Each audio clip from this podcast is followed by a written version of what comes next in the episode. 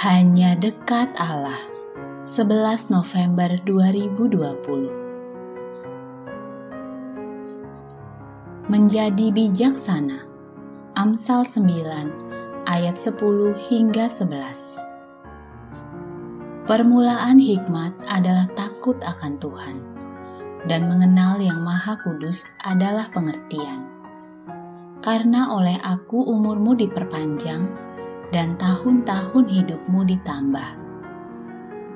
Demikianlah tema yang diulang-ulang tanpa kenal lelah oleh penulis kitab Amsal.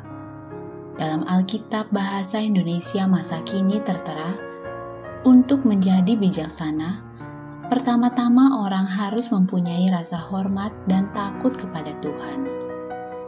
Jika engkau mengenal Yang Maha Suci, engkau akan mendapat pengertian hikmat akan memberikan kepadamu umur panjang. Allah adalah sumber kebijaksanaan. Jalan terlogis untuk bijaksana dimulai dengan rasa hormat dan takut kepada Dia.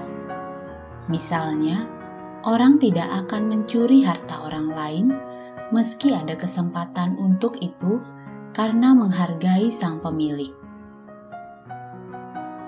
Dia menyadari bahwa pemilik yang sejati adalah Allah sendiri yang telah mempercayakan harta kepada orang tersebut.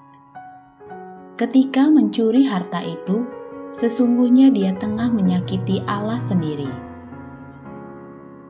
Oleh karena itu, hormat dan takut Allah akan membuat orang tak lagi mencuri harta orang lain. Menariknya, Penulis kitab Amsal mengaitkannya dengan umur panjang. Kita mungkin bertanya-tanya, apa hubungannya? Teorinya sangat erat. Jika kita tak lagi menghormati Tuhan, apakah kita bisa tahan berada di dekatnya? Bukankah kita akan menjadi malu sendiri? Bahkan ketakutan setengah mati, karena kita tahu Allah itu Maha Tahu dan kegelapan kita pun akan lenyap karena terangnya.